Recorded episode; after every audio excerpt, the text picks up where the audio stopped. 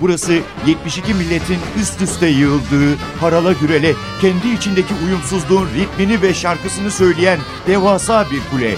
Karşınızda Ahmet Yeşiltepe ile Babil Kulesi.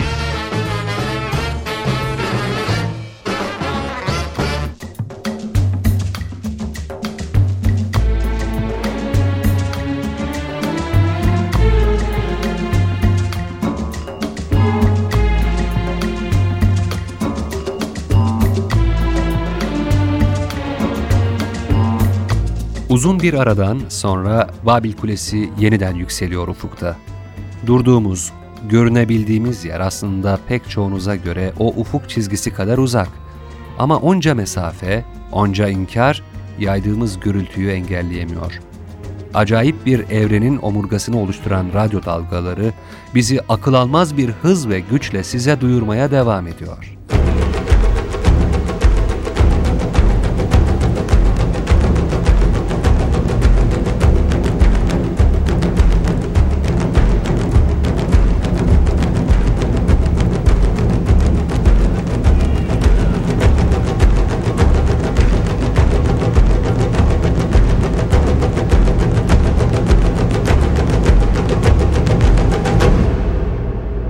Babil Kulesi şimdi ışığını, kakafonik ses hüzmesini bir dahinin öyküsüne doğru yansıtıyor.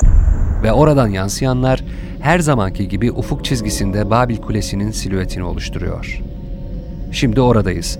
Şimdi bir acayip adamın kafasında yarattığı başka, sıra dışı bir evrendeyiz. Alman film yönetmeni Fritz Lang'ın Metropolis'inde robot kadını yaratan o çılgın dahinin şimşekleri bitmek bilmeyen o çılgın laboratuvarındayız. Radyo dalgalarıyla kumanda, telsiz, elektriği alternatif akımla dağıtma, elektrik dağıtımını ışınlama metoduyla kablosuz olarak yapma, zamanda yolculuk projesi ve tüm bunlarla birlikte daha pek çok sıra dışı akıl almaz fikrin sahibi, hatta kimilerinin uygulayıcısı patentinin sahibi mucidi bir adamın beynine yolculuğumuz var bugün.'' Bu adamın adı Nikolay Tesla.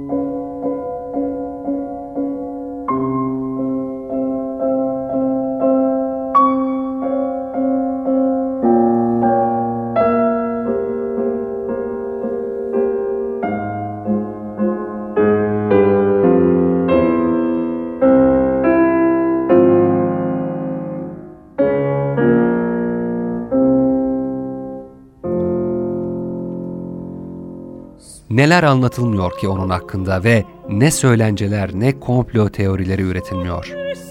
Sıra dışı bir yaşam ve sıra dışı bir kişilik Tesla.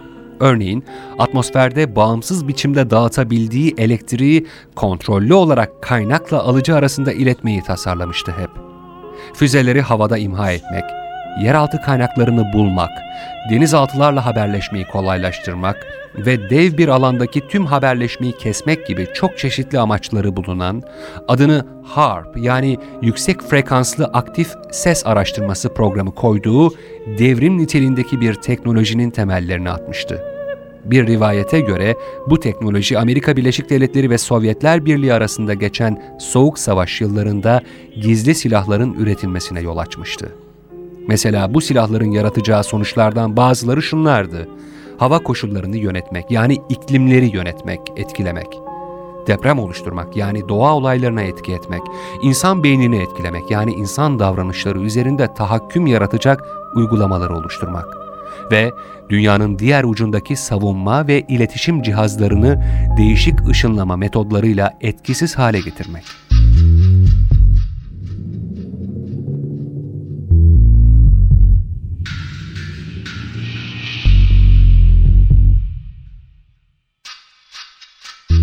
En basit haliyle megafonu, uzaktan kumanda cihazlarını, jeneratörü, telsizi ve bugün kullandığımız pek çok vazgeçilmezi bulmuştu Tesla. Hatta kimilerine göre radyonun mucidi de Marconi değil Tesla'ydı. Ve başta görünmezlikle zaman makinesi olmak üzere pek çok rivayetin şehir efsanesine dönüşmesine yol açacak çalışmalara önderlik etmişti. Nikolay Tesla bir rivayete göre de Amerikan hükümetinin Philadelphia projesi adı verilen, donanmaya ait savaş gemilerini bir görünmezlik kalkanına sokacak olan masalımsı projenin de baş mimarıydı. Diğer tevatür ise onun zaman makinesini keşfettiğine ilişkin ve dev bir deliciyle arzın merkezine seyahatler gerçekleştirdiğine ilişkin. Söylentiler, söylenceler, komplo teorileri, sıra dışı icatlar, gizli anlaşmalar, 750'den fazla patentli, günlük kullanıma yönelik icat ve garip bir yaşam öyküsü. İşte Nikola Tesla.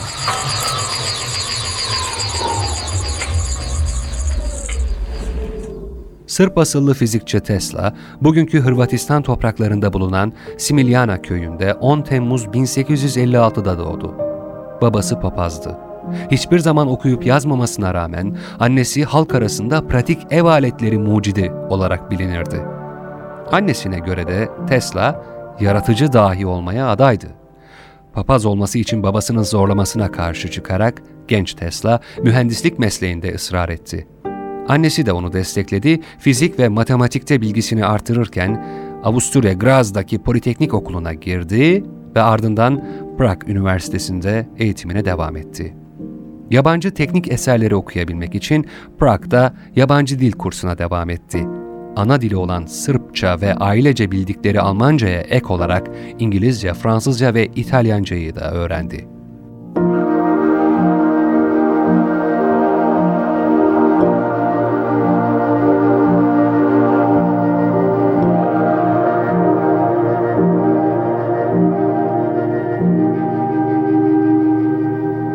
Prag'daki eğitimini 1880'de bitirdikten sonra Budapeşte'de lisansüstü yaparken profesörüyle elektrik dağıtımında devrim yaratacak olan alternatif akım projesi hakkında tartışmaya başladı. Daha sonra gittiği Paris'te bir telefon şirketinde iş buldu.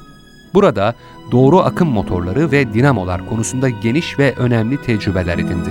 Oradayken çalıştığı döner elektrik makinelerini korumak için regüle edici kontrol cihazları icat etti. O günlerde genellikle doğru akım, ısıtmaya, aydınlatmaya, güç sağlamaya ve iletmeye en uygun elektrik akımı olarak biliniyordu. Fakat doğru akımın direnç kayıpları o kadar büyüktü ki, örneğin her mil kare için bir güç santraline mutlaka ihtiyaç vardı. 110 voltta çalışan ilk akkor ampuller güç santraline yakın olsalar bile parlak yanmıyorlar ve bir milden daha uzaktakilerse kaybolan güce bağlı olarak oldukça sönük ışık veriyorlardı. Tesla, doğru akımla elektrik iletmenin saçma olduğunu düşünüyordu. Nihayet o, alternatif akım teorisini pratiğe uygulayıp elektriği üretildiği yerden en uzağa şiddetini yitirmeden taşıyacak ilk deneyleri gerçekleştirdi.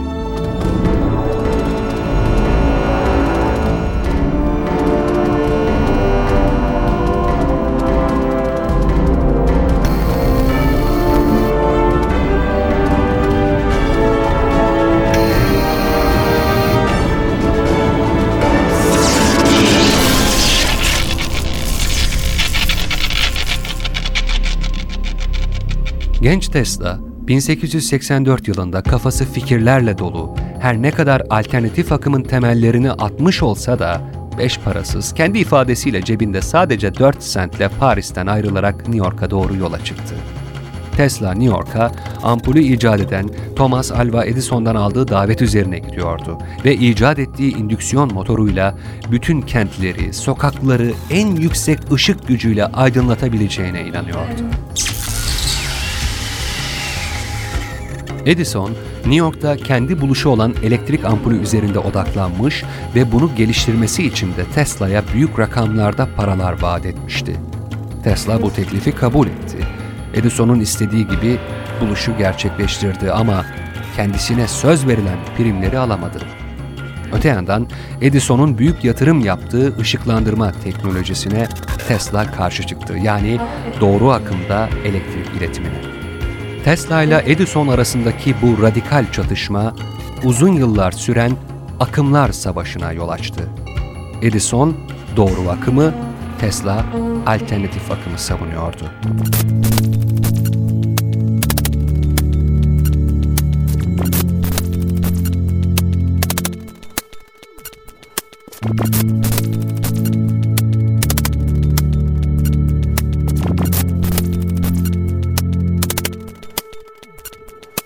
Nihayet Tesla'nın alternatif akım projesi Edison'u 1895 yılında kesin olarak mağlubiyete uğrattı. Tesla, alternatif akımla yapılan elektrik dağıtım teknolojisini dünyaya kabul ettirmişti. Bu gelişmeden sonra bugün şu anda kullanmış olduğumuz elektrik sistemi tamamıyla Tesla'nın beyninin ürünü olarak ortaya çıktı.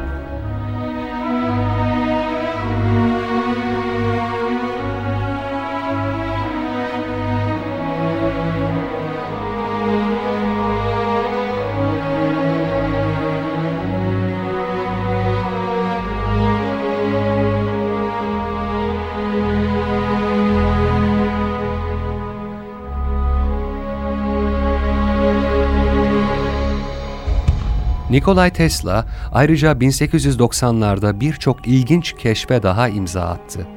Bu keşifler arasında floresanlı gaz lambası, X ışınlarıyla deneyler, radyonun keşfinden çok önce radyo dalgalarıyla ilgili sıra dışı çalışmalar bulunuyor. Örneğin 1898'de New York'ta Madison Parkı'nda telsizle uzaktan kontrole ait parlak bir gösteri düzenledi Tesla. Birinci geleneksel elektrik fuarının geliştiği yer ve genellikle Barnum Bailey sirkinin çalıştığı büyük alanın ortasına büyük bir tank koydu ve bunu suyla doldurdu mucidimiz. Bu küçük gölün üzerine yüzmesi için bir metre uzunluğunda anten direği olan bir tekne yerleştirdi. teknenin içinde ise bir radyo alıcısı vardı. Tesla, seyircilerin isteği doğrultusunda ileri gitme, sağa veya sola dönme, durma, geri gitme, ışıkları yakıp söndürme gibi çeşitli uygulamaları uzaktan radyo kontrolü sayesinde yaptı. Henüz 20. yüzyılın şafağında bu unutulmaz gösteri tüm seyircileri kendisine hayran bıraktı ve Tesla ertesi gün günlük gazetelerin ön sayfalarında yer aldı.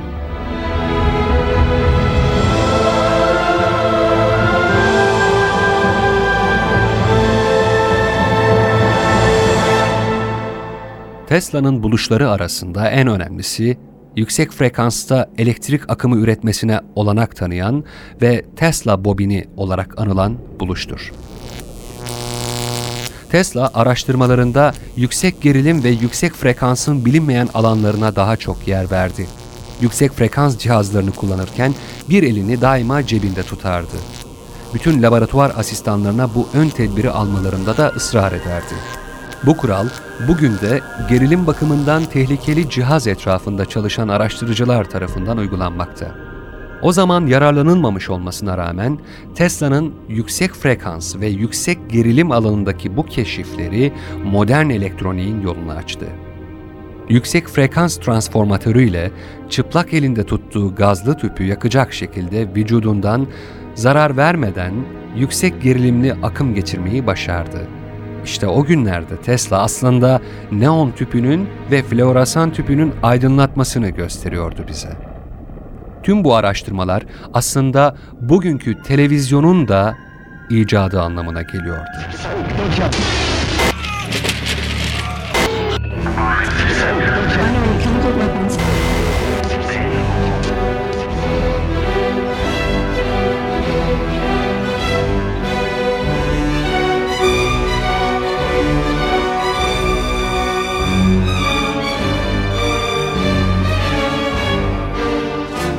Bazen frekans aralığının alt ve üst kısımlarında yaptığı denemeler Tesla'yı keşfedilmemiş bölgelere yöneltti. Mekanik ve fiziksel titreşimlerle çalışırken New York'taki yeni laboratuvarının etrafında gerçek bir depreme yol açtı. Tesla'nın icat ettiği mekanik ses osilatörü eski binayı sarsarak tehdit etti. Bir blok ileride polis karakolundaki eşyalar esrarengiz bir şekilde dans etmeye başladı. Böylece Tesla, rezonans, vibrasyon ve doğal 7 periyoda ait matematiksel teorileri ispatladı. Bu arada bir komplo teorisini de burada anlatmakta fayda var belki. 1999 Marmara depremi kimilerine göre Amerikalı bilim adamlarının bir araştırması sırasında, bir deneyi sırasında ortaya çıkmıştı. Bu bir komplo teorisiydi ama Tesla'nın daha 20. yüzyılın başında gerçekleştirmiş olduğu deneylere benzer bir proje deneyinin gerçekleştiği yönünde iddialar vardı.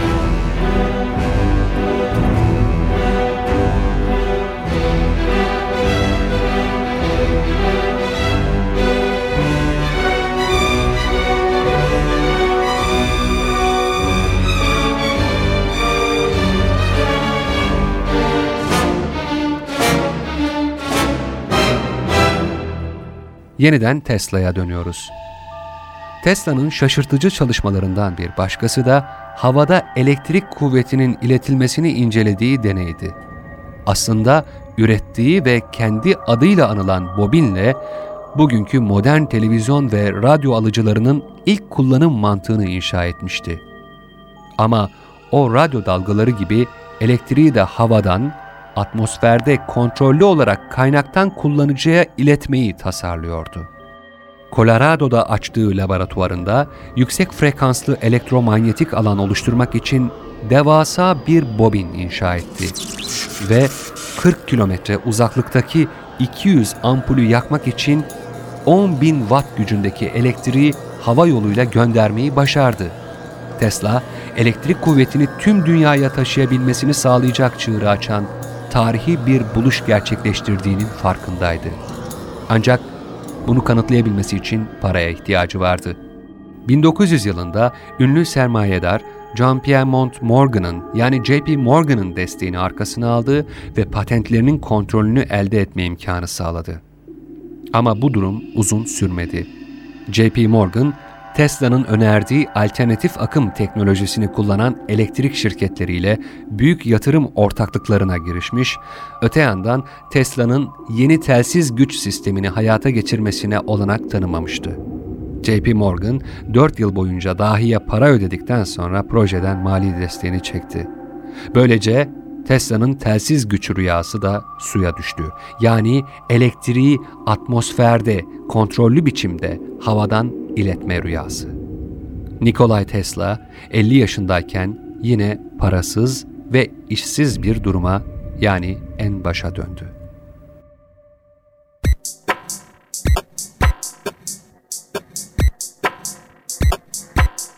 Buna karşın Tesla birçok alanda yaratıcı araştırmalarına devam etti.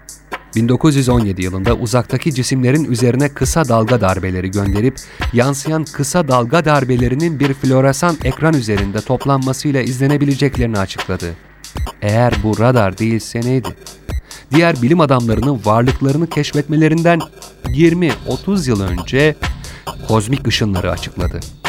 1929'a kadar çeşitli zamanlarda buhar ve gaz için kepçesiz yüksek hızlı tribünler üzerinde çalıştı. Tesla kendisinden ancak 50 veya 100 yıl sonra keşfedilecek olan cihazların keşfini gerçekleştirmişti ya da en azından mantığının temellerini atmıştı.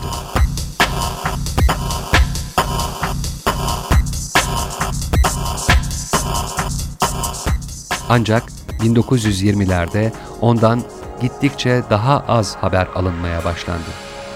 Bazen gazeteci ve biyografi yazarları onu arayıp röportaj yapmak istiyorlardı. Giderek garipleşti, gerçeklerden uzaklaştı, aldatıcı bir hayalciliğe doğru yöneldi. Gazeteler onunla ilgili birbirinden ilginç komplo teorileri, söylenceler yazmaya başladılar. Tesla, New York gazetelerinde çılgın dahi, kontrolü yapılamayan, kontrol edilemeyen bir mucit şeklinde resmedilmeye, karikatürize edilmeye başlandı. Tesla not alma alışkanlığı edinmemişti. Her zaman tüm araştırma ve deneylerine ait tüm bilgiyi aklında tutabildiğini iddia ve ispat etti. 150 yıl yaşamaya kararlı olduğunu ve 100 yaşının üstüne eriştiği zaman araştırma ve deneyleri sırasında topladığı bütün bilgiyi etraflıca anlatarak anılarını yazacağını söylüyordu. İkinci Dünya Savaşı sırasında öldüğü zaman kasasına Amerikan hükümeti ve askeri yöneticiler el koydular. Ve bu kayıtların içeriğine ait herhangi bir şey hiçbir zaman bulunamadı. 1912'de Nikola Tesla ve Thomas Alva Edison birlikte Nobel ödülünü kazandılar. Ancak Tesla bu ödülü Edison'la paylaşmayı reddetti. Ama daha sonra Edison'u sevenler tarafından kurulan I.E. Edison madalyasını 1917 yılında kabul etti. Tesla'nın davranışları gerçekten de garipti. Kimilerine göre bir aristokrat, kimilerine göre bir bunak, kimilerine göre bir çılgın dahi.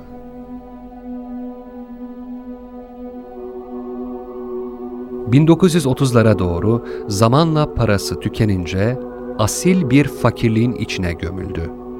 En iyi otellerde yaşamaya devam ederken kredisi tükenecek ve başka yerler arayacaktı. En sonunda New York'a taşınarak sorunlarını çözümledi.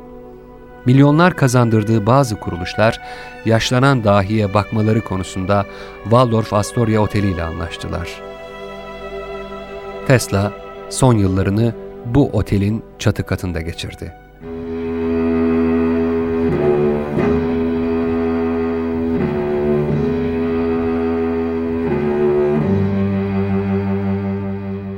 Tesla'nın son yıllarındaki takıntıları da son derece ilginçtir.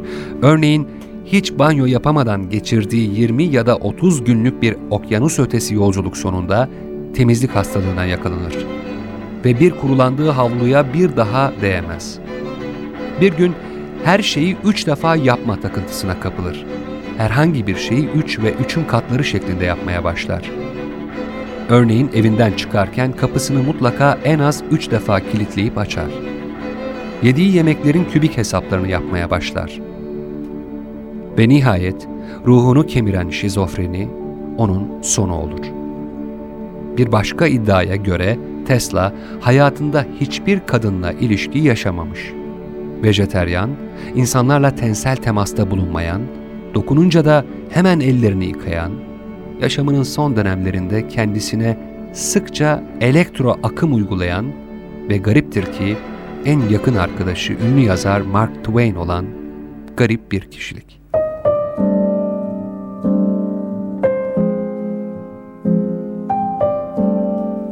Nikolay Tesla, yemeğe başlamadan önce tüm gümüş, porselen ve cam eşyanın ayrı ayrı peçetelerle silinmesinde ısrar ediyordu. Sağlık konusundaki bu görünüşüne karşılık hizmetçisi Tesla'nın odasını bir cehennemi karışıklık olarak tarif ediyor.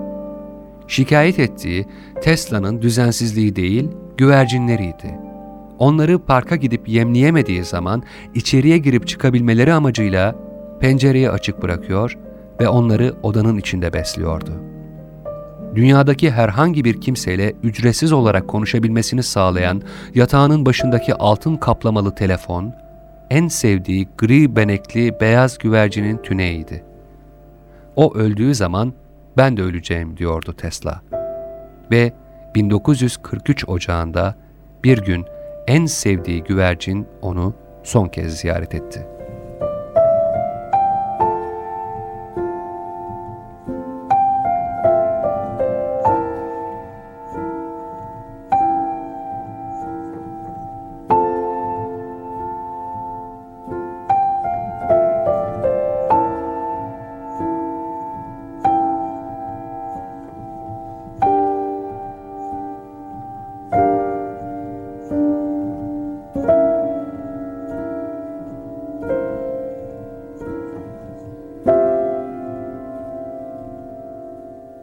Ardından uzun zamandır Tesla'nın kapısının kulbunda asılı bulunan rahatsız etmeyin levhasını gören hizmetçi, durumu araştırmak ve anlamak için anahtarını kilide sokup içeri girdi.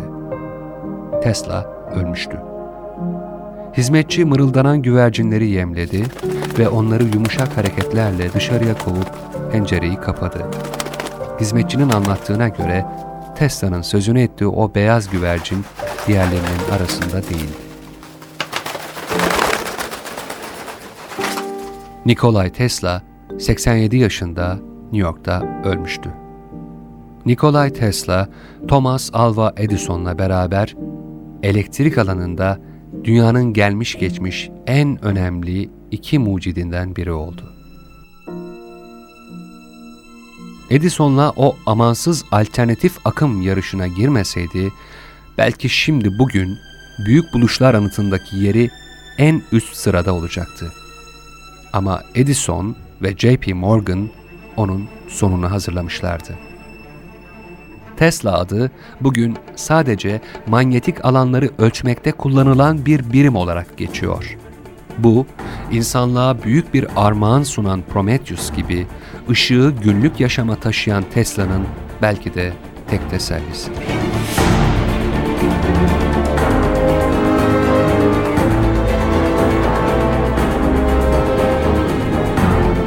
Babil Kulesi bu hafta sıra dışı, çok fazla adını bilmediğimiz ama yeryüzünde hayatın yeniden oluşmasını, teknoloji sayesinde yeniden inşa edilmesini sağlayan çok önemli bir mucidi, çok önemli bir kahramanı tanıtmaya çalıştı. Nikolay Tesla'yı. Babil Kulesi NTV Radyo'da karşınızda oluyor. Bize ulaşmak için yapacağınız tek şey bir elektronik posta göndermeniz. Soru, görüş ve önerileriniz için yapacağınız tek şey babilkulesi at ntv.com.tr Tekrar edelim, babilkulesi at ntv.com.tr adresine bir elektronik posta göndermeniz. Haftaya yeniden aynı saat ve frekansta buluşmak üzere. Hoşçakalın, müzikle kalın.